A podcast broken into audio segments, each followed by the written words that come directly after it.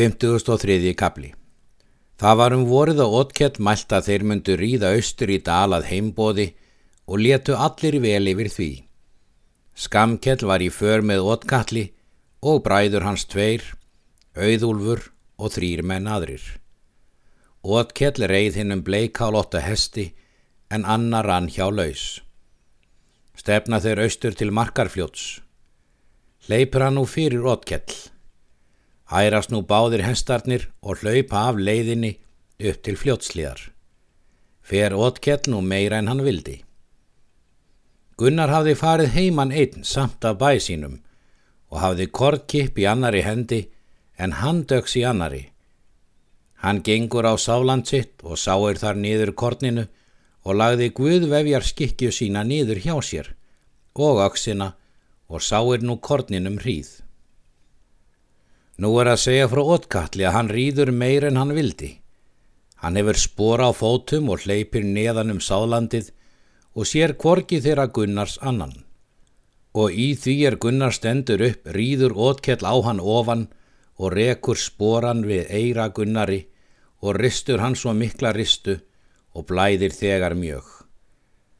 Það riðu þá félagar Ótkells. Allir megi þér sjá, segir Gunnar, að þú hefur blóðgað mig og er slikt ósæmilega farið.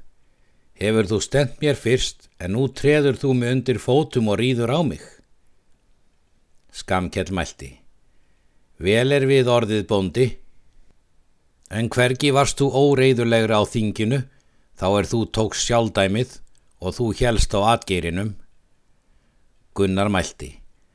Þá er við finnust næst, skalt þú sjá atgeirin. Síðan skilja þeirra því. Skamkell æftu upp og mælti. Hart ríði þér sveinar. Gunnar gekk heim og gat fyrir engum manni um og ætliðu engir að þetta myndi að mannavöldum vera. Einu hverju sinni var það að hann sagði kolskeggi bróður sínum. Kolskeggur mælti. Þetta skalt þú segja fleirum önnum að eigi sé það mælt að þú gefir dauðum sök því að þrætt mun veri í móti ef eigi vita vittni áður hvað þér hafið saman átt. Gunnar sagði nábúum sínum og var lítil orðræða á fyrst. Otkell kemur austur í dal og er þar við þeim vel tekið og setja þar viku. Otkell sagði Runolfi allt hversu fór með þeim Gunnari.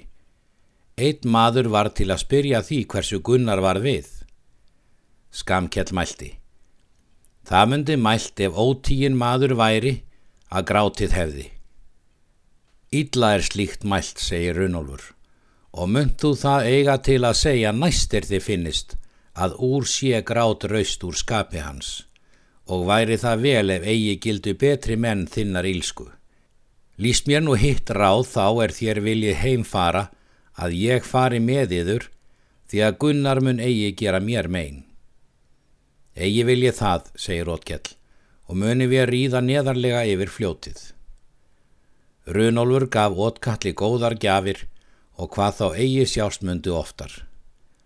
Ótkell bað hann þá muna síni sínum ef svo bæri við, það er með þeim var vel.